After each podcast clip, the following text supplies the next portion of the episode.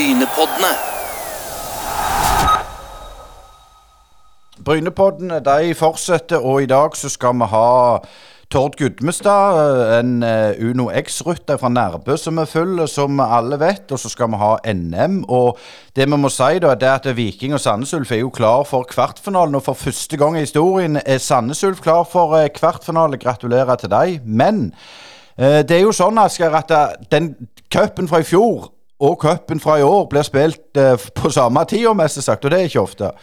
Nei, det tror jeg ikke har skjedd før, eh, så vidt jeg eh, vet. Selv ikke under krigen, så vi får høre litt hva de, de som skal i gang med årets cup, tenker.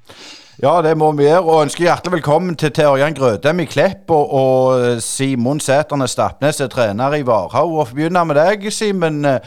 Hvordan Det er greit å komme i gang med en normal sesong uten covid, er det ikke det? Jo, det skal bli veldig godt. Det gleder vi oss til. Uh, litt mer forutsigbart, litt mer ting vi kan på en måte prøve å forberede dere på, kontra sånn som fjoråret var spesielt. da. Eh, Men hvordan ligger det an nå i Varhaug eh, med tanke på spillere? Dere har jo fått inn Torben i- og, og Dalby fra, fra Bryne, og, og vel ja, Rasmus er vel litt vært der, og, osv. videre. Er det sånn at nå satser de? Ja, vi har uttalt et mål at vi ønsker å være bedre enn det vi var i fjor. Eh, det er vel egentlig det vi har gått ut med og sagt foreløpig. Og hvis vi blir det, så blir vi iallfall topp to. Så får vi se. Vi, de prøver, og vi gjør så godt vi kan, og så får vi telle opp når ting begynner å dra seg til litt. Ja, Ørjan, eh, dere i Klepp, dere òg prøver for å bruke det uttrykket. Eh, hvordan ser det ut hos dere? Nei, ikke også. Jeg det ser eh, relativt bra ut. Um, føler jo gjerne eh, Vi er nok et år og to etter de på Varhaug i forhold til det å, å bygge et nytt lag. Og vi har fått inn noen nye spillere, vi òg. unge spillere. Uh, Havna på 20.-plass i fjor, som var helt greit. Og vårt mål for denne sesongen er å gjøre det bedre enn i fjor, da. Men, men det er begge to, eh, altså Ørjan, du kom jo inn i, Klepp eh, eh, holdt på å si rett før coviden kom. Eh, og, og dere rykte jo opp holdt jeg på å si, nærmest på det at et lag trekte seg. Det var vel Sokndal, om jeg husker riktig. Men eh, de to årene så langt som har vært unormale, hvordan merker du forskjellen i inngangen til denne sesongen kontra det du har opplevd de to siste årene? Nei, altså jeg tok jo over et lag i krise, om jeg kan få si det. da Og, eh, og vi måtte jo begynne lite, en liten ryddejobb og begynne å sette litt nye krav til oss sjøl. Og, og, og, vise litt hvordan vi ville ha det. Så sånn sett så var gjerne ikke den coviden uh, så galen for oss. For vi, vi fikk jobba litt med vårt våre egne ting og, bygde opp fysikk, bygde opp samhold og bygde opp uh, lagmoralen igjen. Så ja. ehm, Coviden eh, var selvfølgelig kjedelig når han sto på, men jeg føler vi har fått godt igjen av den jobben vi har gjort frem til nå. Da, så. Men, men spørsmål til dere begge. altså Hvordan er det da med, med interessene? Det er mange av de som var holdt på å si, 25 pluss og har even håndkle i løpet av disse to siste sesongene. Må dere lenger ned i, i, i aldersårgangene for, for å få spillere i dag? Hos meg så er det egentlig Vi har ikke hatt mye forfall. Eh, Det er jo stort sett lokale gutter fra Varhaug og et par tilskudd fra Hå. De har holdt koken ganske lenge, egentlig. Vi var gode å ta pauser når det var korona på sitt verste og ikke trene. Og så tok vi litt ferie og den type ting som har gjort at vi har egentlig stort sett den samme gruppa, minus studenter.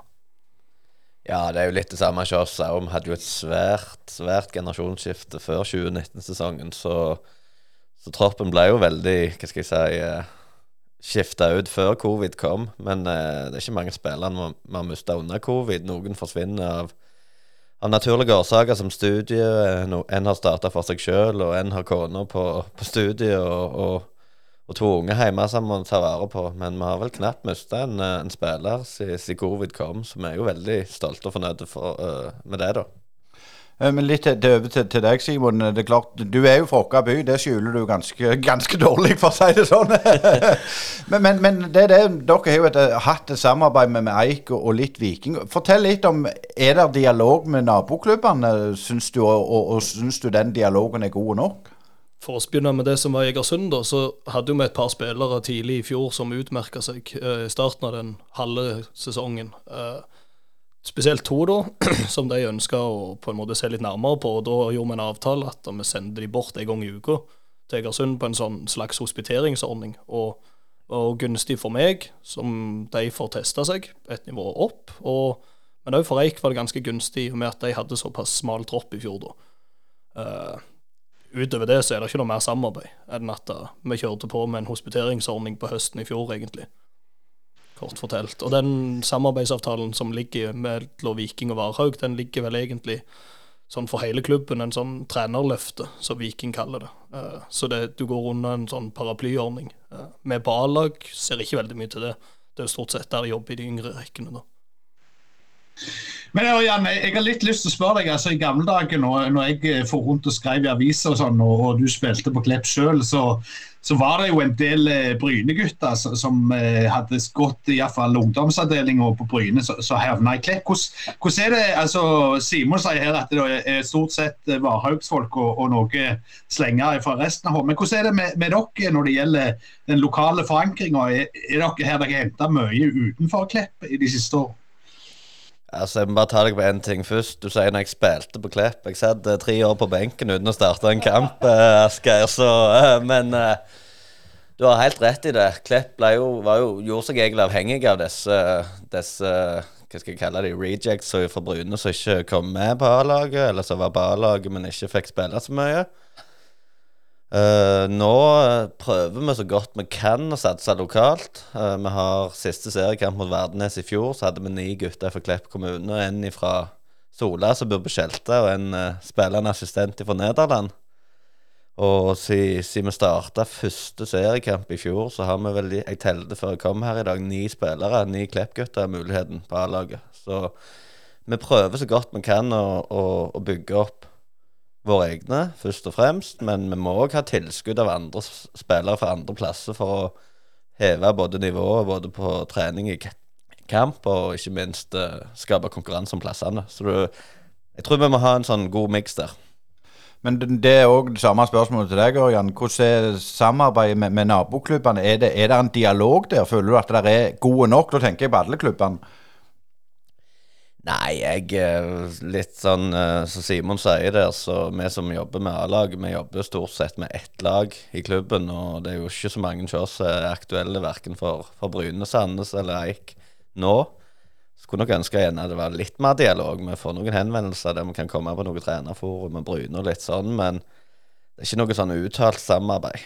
Eh, Klepp er jo òg en klubb der som er mest kjent for damesatsing, og, og, Klepp som klubb der er jo kanskje bedre enn en mange av de andre lokale, akkurat med jentene, da, til å, å skape arena, eh, holde trenerkurs, eh, spiller- og utviklingskurs osv. Der er jo Ove Salvesen, Preben eh, Stangeland og Kenneth Eidshavn, og de er jo knallgode på det.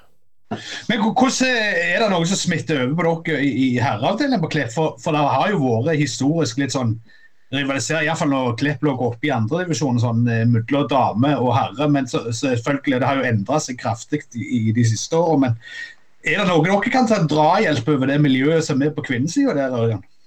Ja, vi kan jo ta, ta lærdom av det vi, vi ser som kan bli bedre med, med det de gjør. Og så tror jeg, eh, opplever jeg Ove eh, Salvesen som hovedtrener også, som veldig ydmyk. Og han, han plukker opp ting fra oss òg. Så det er sånn, det viktigste for meg er å skape en dialog mellom de to flaggskipene, om du skal kalle det det, i klubben. Uh, jeg vil ha slutt på at vi skal være misunte på hverandre for at den ene får det til, og den andre ikke får det til. Og, og den, den, retningen der føler jeg klubben har blitt bedre på de siste åra. Det, det syns jeg. Men eh, Simen, dere skal av gårde til, til, Eiger og, og spille i Hålå mot, mot Eiger. Eh, NM eh, for sånn lag i Norge som, som ligger på nivå eh, fem, er det vel, eller tre og fem. Eh, nei, to og nei, fire og fem. Eh, det er ikke veldig ofte en ser at lag som kommer fra de lave divisjonene i Norge, går f.eks. til en kvartfinale i NM i fotball i Norge. Er det, er det noe dere tenker på? Altså, du ser jo I England så er det en slenger fra Voxfall Conference som det heter før, eller fra nivå fem, som, som, kommer seg til en kvartfinale og slår eh, et eller annet Premier League-lag. Altså, er den der cupdrømmen i Norge litt forskjellig fra, fra andre plasser, tror du? Uh, det tror jeg 100 uh, Det jeg tror det er jo altså en stor utfordring med cupen allerede tidlig i den norske serien, eller i Norge, da, det er jo at han trekkes jo ikke helt vilkårlig. Det jo, blir jo satt sammen av regionale ting. og Eh, det skaper jo utfordringer når du Altså hvis du ønsker å nå langt i cupen, f.eks. Eik, eh, Bryne, de lagene der, så, så du, Det er jo andre lag du vil møte hvis du, hvis du eh, tenker at du skal nå langt. Skal du skape en folkefest her på, på Jæren, så er det jo klart at det, det er positive og negative sider med alt det der. Den cupdrømmen, den hadde vært kjekt å fått en kamp mot Bryne, Viking eller noe sånt. Og så tror jeg, for å være helt ærlig, er fint at han stopper der, altså. Hvis ikke blir vi overraska. Men må jeg bare si, Du heter jo Sæternes til, til mellomnavn. Det var jo en, en kar fra, fra Egersund i benk der som hadde vel hat trick i en cupfinale for Brann. Og, og, det er jo slekta di, og Eiga-treneren er jo òg slekta di. Eh, og jeg ser jo eh, Asgeir var jo veldig gild med deg Ørjan, og sa at du spilte i Klepp, men, men, men kan si da kan jo jeg si at du spilte i, i, i Eike, Simon. Det var, ikke, det var, ikke, så veldig mange kamper, det heller. Nei, overhodet ikke. Uh, men jeg ga meg jo lenge før jeg prøvde Jeg fant fort ut at jeg kom ikke til å bli god, så jeg ga meg nok en stund før Ørjan. Jeg. Uh, så jeg var tidlig på å finne ut at nei, dette her koster for mye tid i forhold til hvor god jeg er. Så fikk en hard lærdom der når det kom en svenske inn, og Magnus Powell kom inn til Eik og sa hva som egentlig kreves for å bli gode. Men, men, du gikk ikke til Eiger, da, for da gikk du til, til, til Nærbø. Og, og, Hvorfor gikk du til Eiger? Er det, er det rivalisering å se så sterk at du ikke ville det? Ja, altså Folk tror sikkert ikke på meg når jeg sier det, men uh, jeg pleier å spøke i familieselskapet sånn at jeg er den eneste igjen med litt integritet her på uh, av oss. For uh, alle andre er godt Eiger, Men nei, jeg får ikke Jeg liker ikke Eiger veldig godt. for å men bare spør litt sånn før, før vi går inn mer på, på cupen. Når var det du fant ut at nå har jeg lyst til å satse som trener?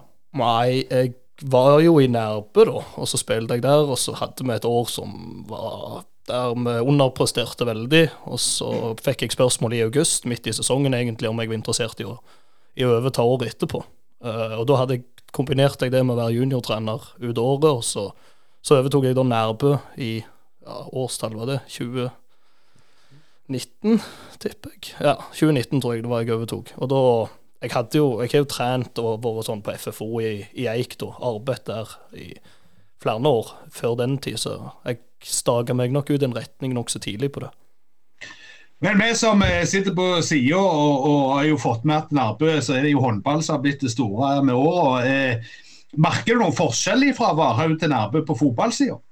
Ja, eh, på Varhaug så, så, er det nok fotballen som står sterkest sånn tradisjonelt og har vært de siste årene òg. Eh, i Nærbø så var vi et godt lag når jeg kom der. Da var det et ganske bra fjerdedivisjonslag. Gamle fjerdedivisjon. Og så var nok generasjonen i Altså, det var litt eldre karer som datt litt og litt og litt, og så ga Taxi seg, Bjørn Erik Taksdal, og da så du på en måte litt hvor det her bar hen. Og det kom et sånn naturlig generasjonsskifte som vi da prøvde å stoppe så mange år vi klarte. Eh, men rekrutteringen er rett og slett ikke god nok på fotballsida på Nærbø, dessverre. Eh, skulle ønske han var veldig mye bedre. Men, men det er håndballen og fullt forståelig det de presterer, tenker jeg. at Det, det er jo klart at det motiverer de, den yngre garde som vokser opp på Nærbø. Eh, Ørjan, jeg så eh, flaksa noe forbi her på, på internett for, for en stund siden at du skulle på, på et trenerkurs og få litt påfyll. Eh, hva erfaring har du høstet derifra? Nei, det var jo utrolig bra opplegg, det er jo FAB-kurset til, til, NFF der. Da Først har du ei uttakssamling der du på en måte kvalifiserer deg og blir tatt ut til, til, til kurs. Og så er det ei uke på hotell vi var på Forus, um, der du står opp klokka hvert på sju på morgenen, er det noe frokost, og så tuter du av gårde og skal være inne i Randaberg Arena klokka åtte. Så har du halve dagen der med praksis. Uh, da har du elever som går på Vang eller Jåttå og videregående. Gode fotballspillere. Så får du tatt til deg tema der du liksom skal utfordre deg på å lage ei god økt ut ifra det og det og det. Uh, så det er jo enormt lærerikt for en kar som ja, så vidt uh, sleit med å lede i oppvarmingen han tok over som trener på Klepp. Um, og så treffer du ikke minst det sosiale, da. Sant? Du treffer mange likesinnede, mange som brenner for fotball, mange som brenner for trenervirket. Jeg var jo sykt heldig og fikk, eh, var bare i smågrupper i lag med Brede Hangeland og fikk sitte på fanget hans ei uh, uke og ta til deg litt ting. Så nei, det er noe jeg absolutt kan anbefale hvis du, hvis du har en trenerspir i, i magen. Kom deg på FAB-kurs. Eh, Men dere i Klepp skal jo opp mot eh, Rangvald Soma, tidligere kompanjong i Klepp. og Hvordan ser du på, på, på den kampen? Nei, Frøyland er jo utrolig spesielt for meg. Jeg, eh, far min har vel tre mest kamper på Frøyland. Jeg spilte der sjøl til jeg var 16. Jeg har en uh, lillebror som spiller høyreback på, på Frøyland. Jeg har nevøer på 10, 12 og 6 år som, eh, som trener der. Eh, Deres søster mi trener.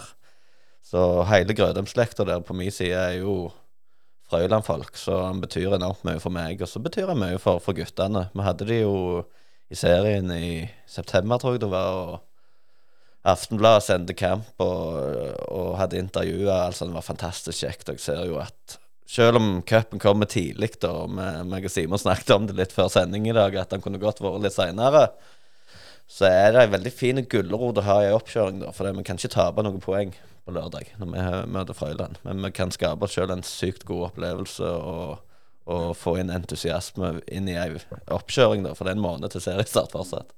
Men hvordan er et styrkeforholdet mellom dere, de fire lagene, hvis vi ser deg, Simon, på, på Eiger og, og, og Varhaug? Hvem som Altså, nå har jo Varhaug fått en del forsterkninger, sånn på papiret, men det er på papiret òg. Det er jo det som er så fascinerende. Stemmer det. Det er på papiret. Og vi skal ikke stikke under en stol og si at vi er veldig godt fornøyde med de vi har fått inn. Eh, og den gjengen som var der i fjor, vi var litt tynne. Uh, når vi fikk skader mye på slutten av sesongen, så, så sto vi med 12-13 spillere. Jeg satt på benken sjøl i tilfelle, i tilfelle, i tilfelle. Og, og da fikk vi inn de karene der. Eh, litt usikker på styrkeforholdet. Jeg vet at Eiger har hatt mye koronatrøbbel. Eh, for vi har, her på Jæren så har nok den kurven vært litt tidligere enn i Egersund. Og så vet jeg òg at de har vært i Danmark nå, men uh, det er et par spillere der som, som gjerne ikke trener det de skulle ønske, like mye som trenerne skulle ønske. Og det er gode spillere som, som gjør at uh, Jeg tror det ganske, kan bli en jevn kamp, uh, for å summere det opp, da, rett og slett. Jeg tror Det er vanskelig å vinne i Hålå. Jeg har vunnet i Hålå én gang i hele mitt liv, og jeg har spilt mange kamper der borte. Ja, det er jo en forferdelig plass. Ja. Det, det vet vi jo alle. Men, men når du er inne på det med Eiker, der, der er det jo mange fra, fra Eigersund, så, så det er jo egentlig hvis du spør meg, det beste laget i divisjonen, men så er det det at de ikke vil rykke for da blir det mye mer reising. Er det noe i det? Jeg tror ikke det er så mye i det. Uh, I fjor så prøvde de det de kunne, men rett og slett så var Sandnes Ulf 2 for gode. Og, og jeg tror hvis du skal gå og spørre noen av de som har med dette å gjøre, så tror jeg at ambisjonen er ganske klinkende klar at de ønsker å rykke opp, egentlig. Men uh, i fjor så var det et lag som var Sandnes Ulf 2 som bare Det var ikke sjans for noen. Og så, så er det litt sånn Nå tror jeg Nå er jo de i den sørpulja, så du kan kalle det sånn, da, så jeg tror fort det står mellom Eiger og Hinna. Blir veldig overraska hvis Eiger ikke havner topp tre dette året. Men eh, nå må jeg spørre litt eh, sånn, eh, sånn enkelt spørsmål. altså i, I min tid så var det sånn maks eh, tre ganger i uka hvis du var i tredjedivisjon eh, trening og sånn. Hvordan, legger dere opp det løpet? Hvor mye trener dere nå i, i 2022, eh, Ørjan og Simen? Jeg kan begynne. Um, vi har jo diskutert mye dette i, i trenerteamet innad i Klepp. Og det vi gjør nå, og i sesong stort sett, så er det tre dager i uka pluss kamp. Og vi har funnet ut det at vi vil heller ha 18-20 mann på trening tre dager i uka enn å ha 11 mann fire dager i uka. Så det viktigste for oss, både på det nivået vi er på, ambisjonsnivået vi har, er jo å på en måte øh, lage det så seriøst og så bra og så intensivt som du kan på de tre vegene, Tre dagene i uka. Og så har vi så, så hender det jo at vi nesten mister nattesøvnen fordi at vi lurer litt på om vi er godt nok trente. Trener vi for hardt nå? Hvor tøft kan du gjøre det inn mot camp, dagen før camp osv.? Men, men eh, der finnes det jo verktøy i dag da, i 2022 som gjør at du kan i hvert fall styre belastningen og ha kontroll over det du har gjort hele veien. Vi kjører eh, nokså likt Klepp. Vi kjører jo tre dager i uka, og så pluss kamp, egentlig. Og det, det samme som Ørjan sier, det er litt det der at folk går på jobb og folk går på skole som Det går på totalbelastning, enkelt og greit. Eh, Så det, det ligger mellom tre og fire ganger i uka, rett og slett, på Varhaug. Så har vi Altså, nå har vi en veldig motivert gjeng, den spillergruppa som er nå, der, der de trener nok fire-fem ganger i uka egentrening i tillegg til det som går på, på vanlig fotballtrening nå, hos oss. Men hvordan er det der med, med holdt på å si, de unge lovende kontra de litt mer erfarne? altså De som, som har det på en måte som, som en sånn li, liten hobby, kontra de som ennå tror at de kan bli den nye Messi? Nå har jo jeg ei spillergruppe som er veldig ung.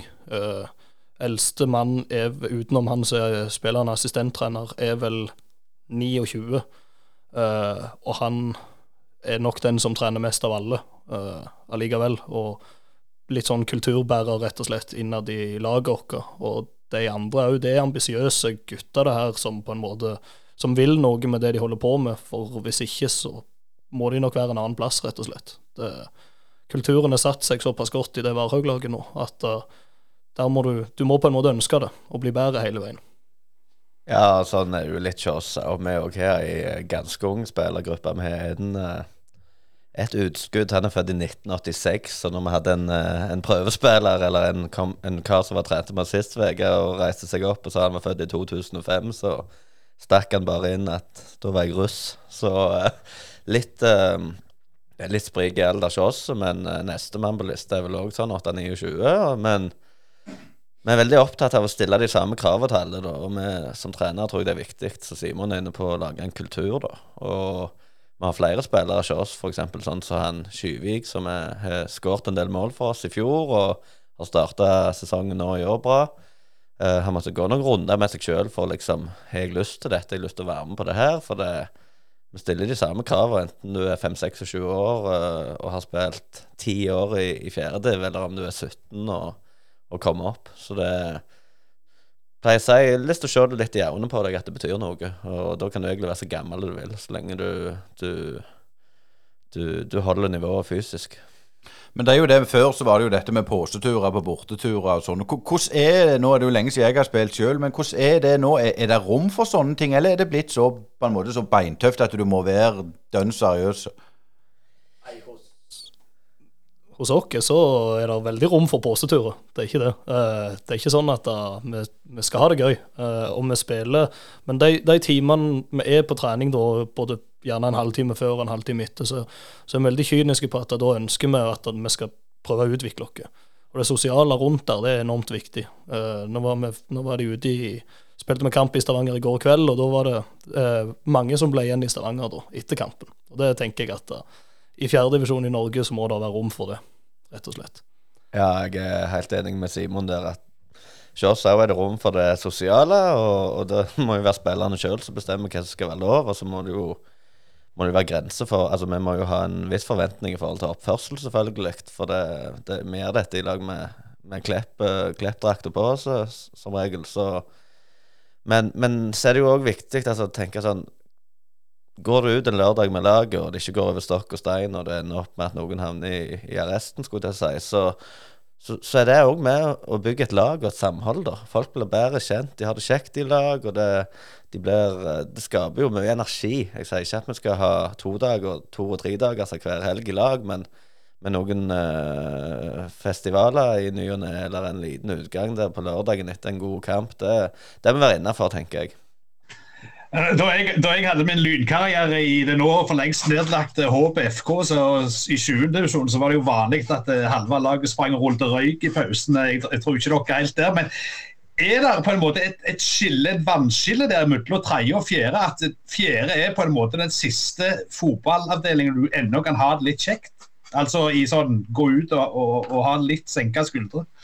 Nei, jeg tror ikke det. Jeg tror, eh, jeg tror hvis Bryne spiller en lørdagskamp i Trondheim og vinner, så tror jeg de òg tar seg en liten fest. Uh, men uh, det skal jeg passe meg for uh, hva jeg sier. Men på alle nivåer Altså, vi er jo mennesker. Vi har jo behov for sosial omgang, og vi har jo behov for å koble ut litt av og til. Så jeg vet ikke om, iallfall ikke om skillet går i tredje og fjerde. For jeg, jeg tror vi, vi, er ganske seriøse i fjerde òg, i hvert fall mange av lagene. Og så er det Sant vel, sånn så For to år siden rykte Verdeneset ned fra tredje, og Madla gjorde det i fjor. Og det, det er jo lag som, som, uh, som liker å ha det kjekt. Du kan liksom ikke forvente at en 26-åring som er i full jobb og trener, trener fire-fem dager i uka pluss kamp, uh, ikke skal ha behov for, uh, for, det som veldig mange andre har behov for i helgene. da, så ikke går skillet går. Nei, men hvordan, hvordan ligger det an eh, med tanke på, spør til deg Simon, med tanke på eh, Stavanger-laget kontra Jærlaget og, og litt Nordpulja? Hvordan ser du det?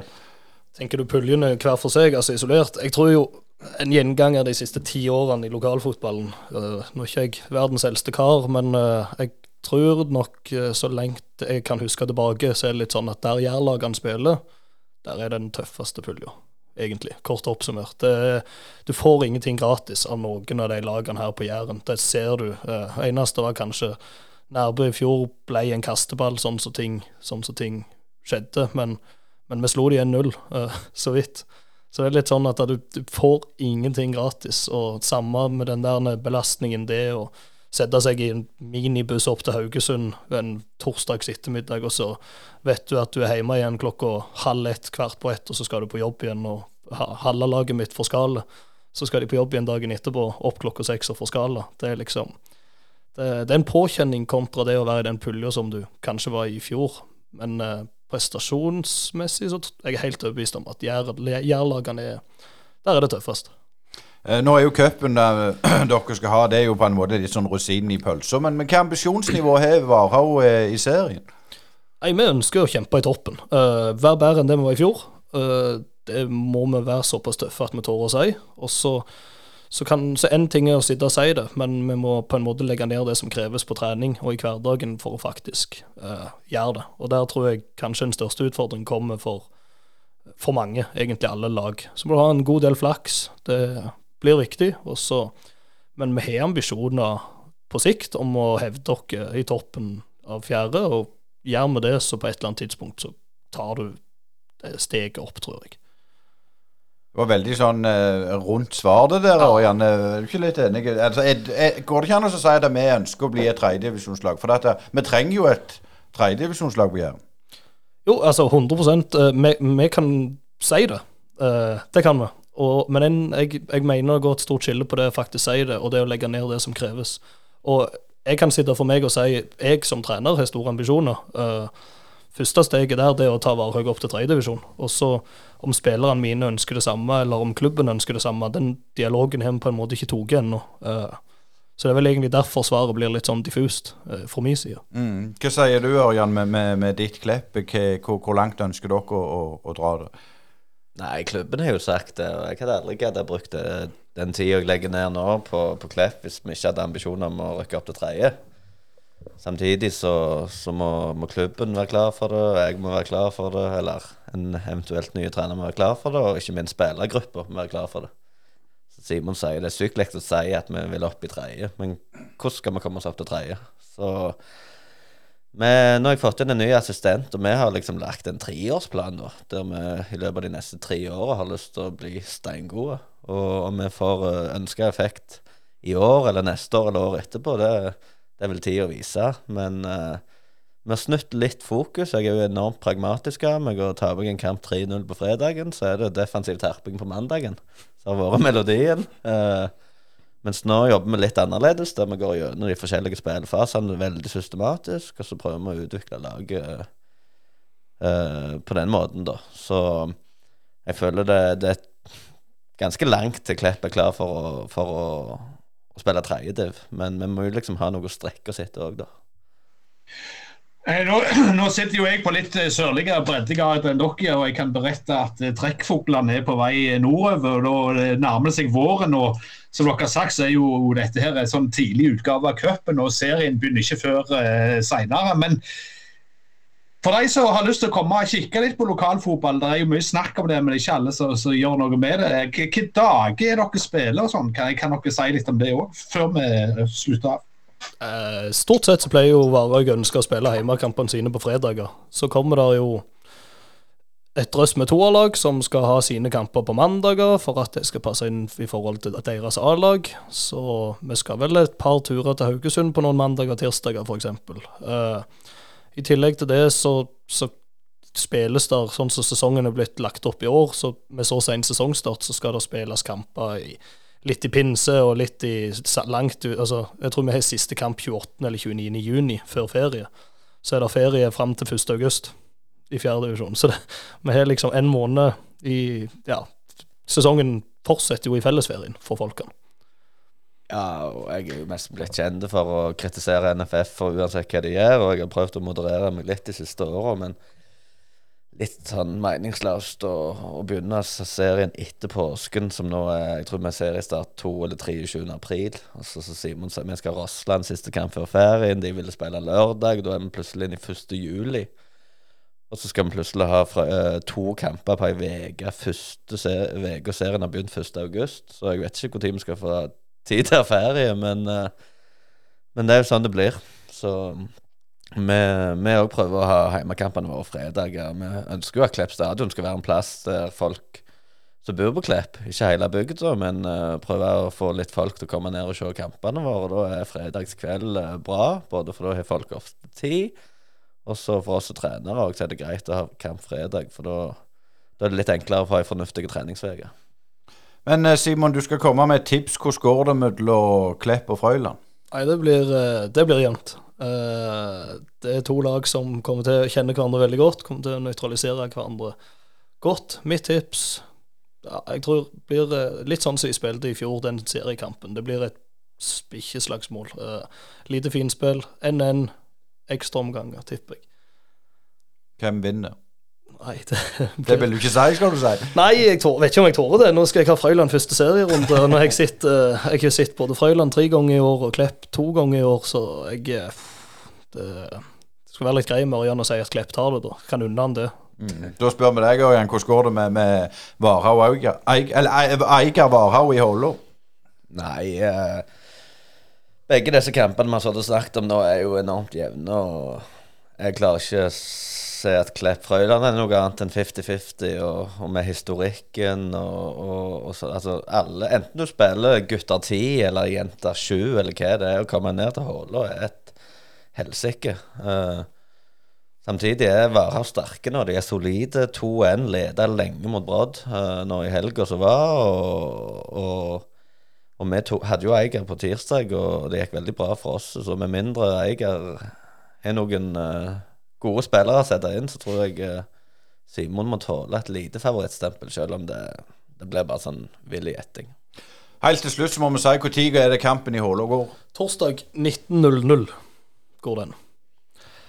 Og så får du Klepp eh, Frøyland på Klepp stadion i et nydelig vår hver lørdag klokka tre. Det er supert. Tusen hjertelig takk for at dere stilte opp. Simon Staffnes, trener for eh, Varhaug, Ørjan Grødheim, trener for Klepp. Og endelig så ruller fotballen igjen. Brynepoddene.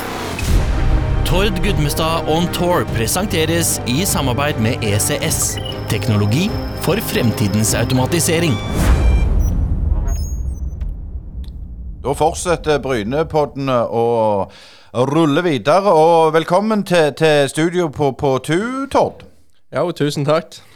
Ja, vi, vi følger deg jo i, i, denne sesongen her, Tord. Og, og du, nå hadde vi jo Kurt Asles uh, sist, som fortalte litt om, om, om dine, hans tanker og om deg. Men, men hvordan, hvordan, var det liksom å, å komme inn i, i, et nytt lag og, og alt sånn? Hvordan ble det tatt imot? Gikk, gikk, alt dette praktisk og greit?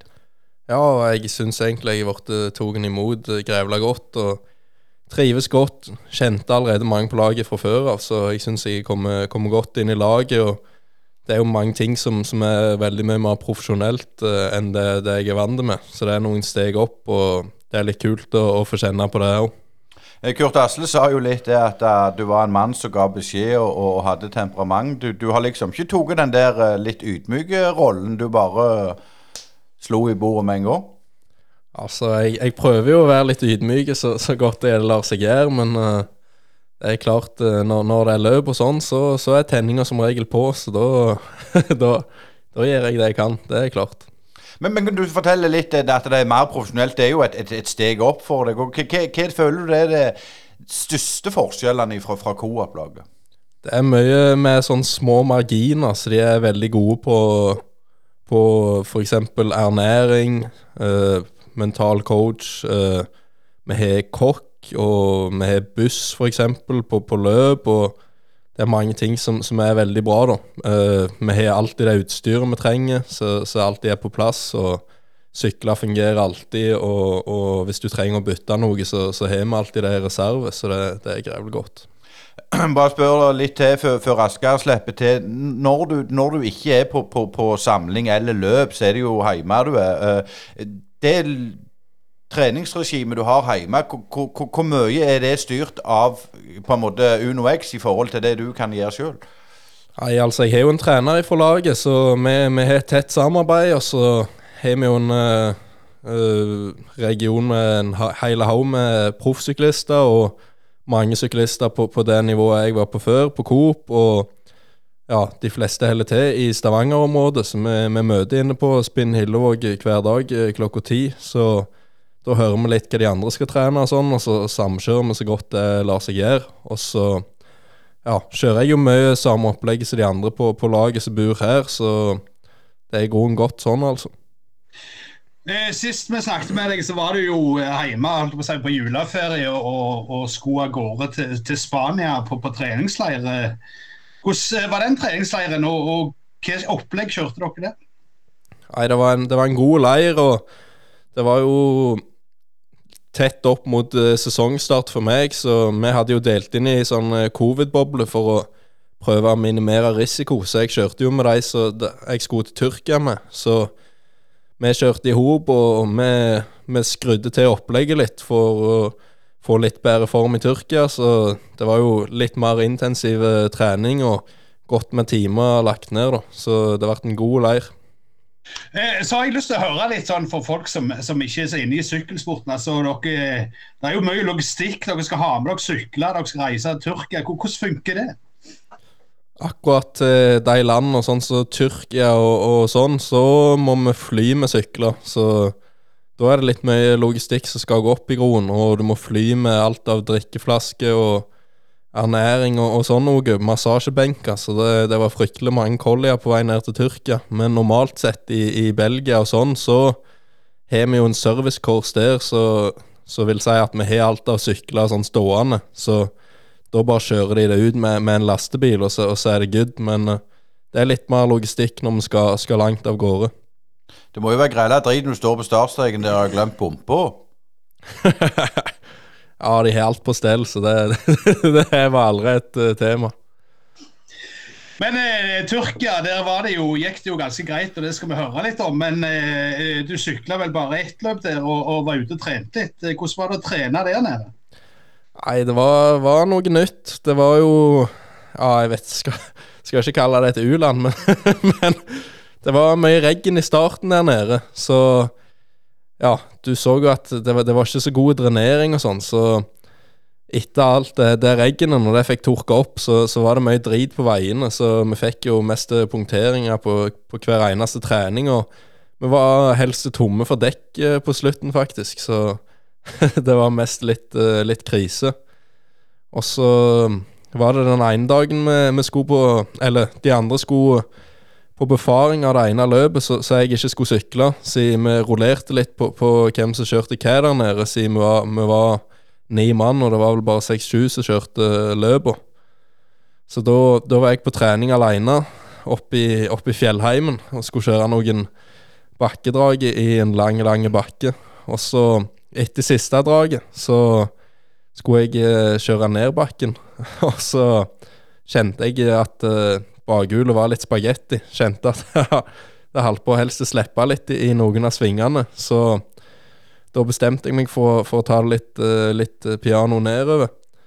Og så, etter hvert når jeg nimma meg bånd, så, så tok jeg igjen en bil. Og så, ja, den kjørte grevlig seint, så jeg tenkte jeg, jeg renner forbi den. Og så, når jeg var på vei forbi, så ser jeg han begynner å gasse noe felt, så da tenkte jeg ja, ja, fint det, jeg skal kjøre rolig deg, så jeg legger meg inn bak han. Og så, plutselig på, på passasjersida, så er det en som uh, tar ut armen, og så har han jo gønner i armen, så han fyrer av et skudd, og jeg er jo der i svime og helt, helt tom etter drag, og vet ikke helt uh, hva som skjer. Og så kommer det et skudd til, da, da reagerer jeg jo, så da er det bare å hogge i bremsene og få stoppet i en grevlig fart, og så ja, kjører han jo noen skudd til, da, men han kjører videre, så ja, da sto jeg der og, og visste ikke helt hva, hva jeg skulle tenke. Men eh, nei, jeg landa vel litt på at Tyrkia. Der skal jeg ikke tilbake og trene enn med det første, iallfall. Men eh, selve løpet eh, Vi har jo sett bare et lite glimt på, på, noen som tok opp med en mobiltelefon der du freser inn mot målstreken. Du ser faktisk ikke målpasseringa engang. Men kan du si litt om det løpet der, som du vant, selvfølgelig? Ja, det ble jo et litt uh, mer spennende løp enn det vi hadde planlagt. Siden vi starta, og så kom det av gårde sju mann i ei gruppe. Og det var jo litt flere enn det vi hadde tenkt. For vi var jo ikke så man mange mann til, til å ta det inn i groen. Så ja, vi fikk jo en, en tøff, tøff, jobb med å, med å hente dem, og de hadde jo tre, tre, minutter på det meste. Så vi måtte i groen bruke ja, siste opptrekkeren min da, til, til, å kjøre inn uh, det bruddet. Men uh, vi fikk nå henta dem med seks-sju kilometer igjen til mål, og, og, inn mot mål så klarte vi allikevel å, å få til et uh, temmelig godt opptrekk og, og, sånn. Og ja, samarbeidet fungerte grævla godt, så, så jeg ble jo levert uh, i front uh, de siste 200, og da var det bare å gi gass og dryle på. Eh, når du sier opptrekk og alt dette, det, blir, det blir som en, som en god pasning, og, og, du vet det blir mål. Er det sånn du òg, når du tenker at alt fungerer, at når det er 200 meter, så vet du at dette går? går? Du, du vet vel aldri helt om, om det ble mål, men ja, jeg hadde en, hadde en, god følelse og, og, hadde jo sett på startlista før uh, vi skulle kjøre, og hadde jo en grei anelse om at jeg tenkte at dette her bør være en god mulighet til å ta en seier. Absolutt. Men, men, hvor viktig det er liksom å komme i gang og bare få en kanonstart og sånn for, for, din egen del mentalt? Er det, er det herlig, rett og slett? Ja, det er helt kanon. Du får senka skuldrene litt, og, du ser at uh, det arbeidet du lagt ned over vinteren, var, var, ganske bra. Og ja, ser at, ser at det, du, det, du, holder på med, ikke er helt uh, dumt. Så det er helt klart godt å få den uh, ifra start. Det, det, er det ingen tvil om. Så ble det jo litt flere, flere løp, løp, etterpå. Ta, ta, oss litt gjennom hva veien videre var. Ja, uh, Planen var jo i grunnen at jeg skulle kjøre et etappeløp til, til i Tyrkia. Men også plutselig så måtte jeg eh, ta turen ned til Oman pga. Uh, vi hadde fått litt uh, covid inn i laget på de som skulle til, til, Oman, så vi var litt uheldige der. Så da fikk jeg jo muligheten til å reise ned der, og, og der var det jo en hel haug med stjerner som sykla og sånn, så det var jo litt kult å være med på, og, og noen nye erfaringer for meg, da. Helt klart. Eh, ja, Asgeir. Eh, mye spennende som har vært med på, på, på, på denne korte stunden. Ja, jeg, jeg, har lyst til å, fortsette litt med, med, Oman. Det var jo en, sånn eh, Det var jo flere løp der, og dere hadde litt problemer med covid, som du sa. Hvordan, hvordan, var det å sykle der i forhold til Tyrkia, og, og hvem, hvilke andre lag var det som, som holdt på å si, Du snakket om noen stjerner, altså kan du nevne litt? Ja, altså, det var, det var jo spesielt. Uh, det var store veier hele veien. Åtte meter breie. Du, du, hadde jo plass til å sykle fram hvor tid du ville helst, hvis du bare hadde kreftene. Og Nei, det var, det var noe nytt. Og ja, kokvarme dager og ja, mye, mye rett fram og, og, lite svinger og sånn, så det var litt spesielt. Og noen av de som var med, var jo blant annet uh, Cavendish, som uh, ja, han er jo virkelig på, på gang og ja, har kommet seg opp på, på, noe av det nivået han var på før. da, Så det var, det var kult å se han når han dro til. et det gikk fort, for å si det sånn. Men eh, sånn, eh, når du er sånn eh, på, på sånn flere dagers ritt, får dere, får dere i det hele tatt tid til, til Når du sykler holdt på å si, i ukjent terreng, som du sier, åtte meter brede veier og det er jo fjellandskap, det er kystlandskap. Får, får, du, får, du, tid til å absorbere noe av det som, som, skjer rundt deg, eller er du så fokusert at du knapt enser det som, som, som skjer i, ute i terrenget?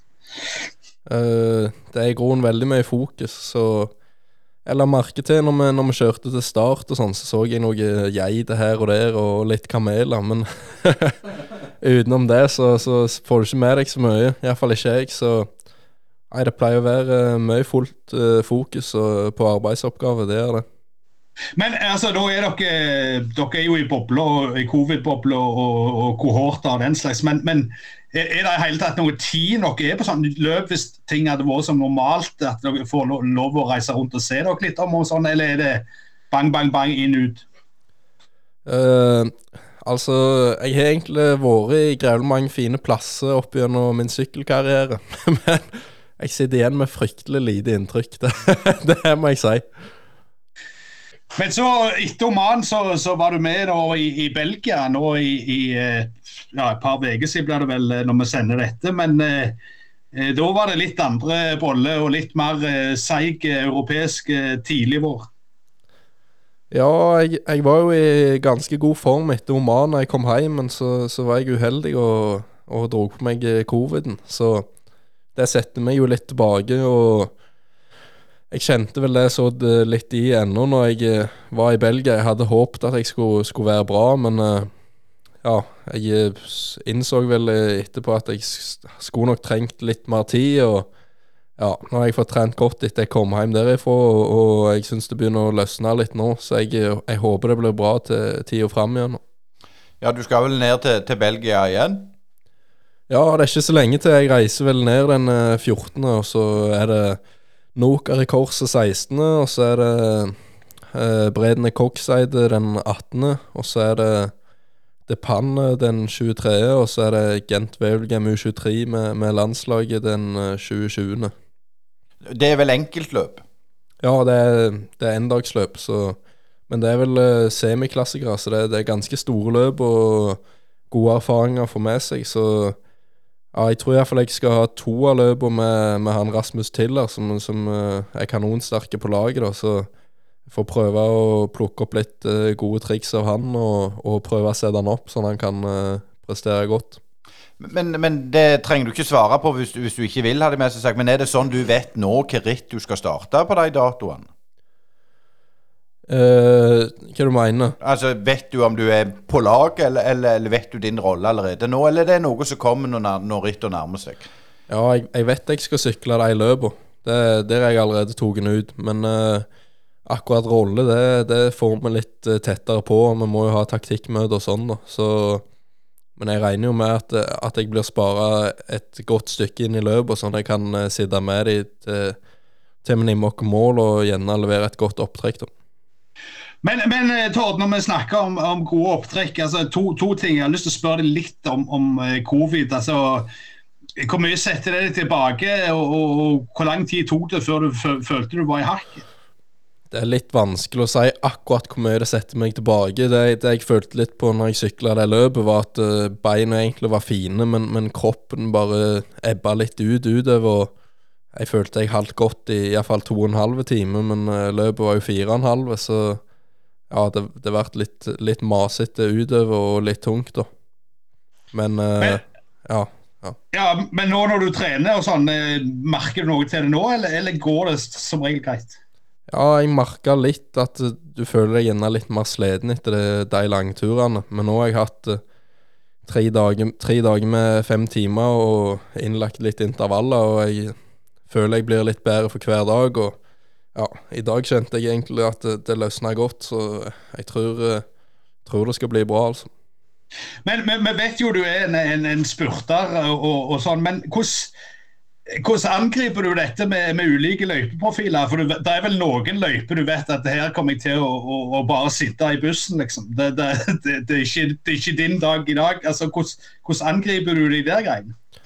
Som regel så har vi jo alltid med noen typer for, for alle løyper, så i, i ei hard løype eksempel, så, så er det en som er klatrer, og da, er min eh, jobb å plassere han godt i bakkene og beskytte han for vind, og passe på at han er mest mulig krefter til når, når han skal slå til. Så når jeg på en måte er ferdig med, med min jobb for dagen, så er det jo å, å se videre til neste dag og ta det rolig til mål og spare, spare de kreftene så godt jeg kan. Ja, for, for da får du en dårlig plassering, rett og slett. Ja, det, det er ikke så mye å si med plassering når du kjører hjelperuter. Da er det å gjøre jobben din så godt du kan, og så, og så når du er ferdig, så er det neste dag som teller. Men eh, hva tenker du da om, om eh, altså dette ned til Belgia, og, og du sagte det var sånn halvklassikere. Eh, hvordan blir det på en måte å, være der nå på, på denne tida og videre framover når, vi kommer ut til, til, til skikkelige vår? og De begynner jo litt tidligere med våren der nede enn vi gjør eh, oppe i den der gråsonen som vi bor i.